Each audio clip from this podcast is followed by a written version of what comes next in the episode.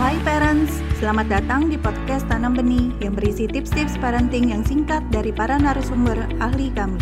Untuk mendapatkan tips-tips terbaru kami, follow podcast Tanam Benih. Yuk kita dengarkan bersama.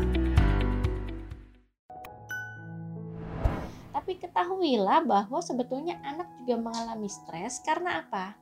Karena yang pertama ya, anak sebetulnya merasa bosan Bosan karena apa? Dia kehilangan rutinitas yang menyenangkan.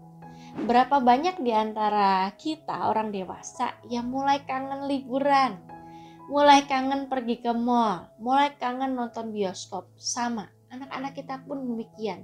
Mereka mulai kangen dengan rutinitas dulunya. Mereka yang menyenangkan seperti jalan-jalan ke mall dengan bebas, bisa lihat-lihat mainan, coba-coba sembarangan mainan, kemudian jalan-jalan di mall bisa minta beli cemilan dengan bebas, kemudian bisa main di playground yang besar, kemudian bisa ketemu teman, bisa peluk-pelukan gitu. Nah, ini yang tidak bisa mereka lakukan sekarang sehingga mereka merasa bosan karena rutinitas yang menyenangkan ini hilang.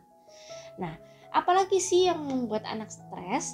Yang membuat anak stres adalah tuntutan akademik dari orang tua. Ternyata disadari atau tidak disadari itu lebih tinggi dibanding sebelumnya. Kenapa tuntutan akademiknya malah bisa lebih tinggi? Karena ya, yang pertama, orang tua dulunya tidak langsung bisa melihat sikap belajar anak ketika di kelas. Jadi kalau di kelas gurunya lagi menerangkan kemudian anak duduk males-malesan gitu. Orang tua kan gak lihat orang tua di rumah. Ya yang menegur adalah gurunya.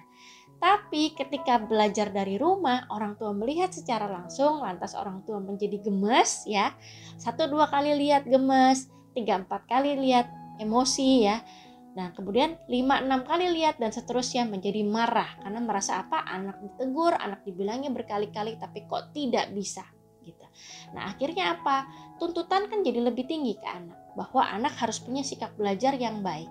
Nah, kemudian apalagi yang membuat tuntutan akademik menjadi tinggi adalah orang tua dipaksa secara tidak langsung ya, dipaksa mengajari anak beberapa materi yang sebelumnya orang tua tidak perlu ajari secara detail karena anak diajari di sekolah. Tapi karena sekarang jam belajar dikurangi karena mereka harus mengurangi screen time, akhirnya orang tua yang harus lebih banyak mendampingi anak dalam penguasaan materi. Akhirnya tuntutan menjadi lebih tinggi bahwa anak harus bisa karena orang tua dihadapkan dengan tugas-tugasnya langsung.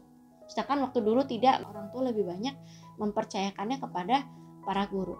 Kemudian apalagi sih yang membuat anak stres selama pandemi atau selama PJJ ini adalah karena dia kehilangan juga banyak kesempatan berinteraksi dengan teman sebaya.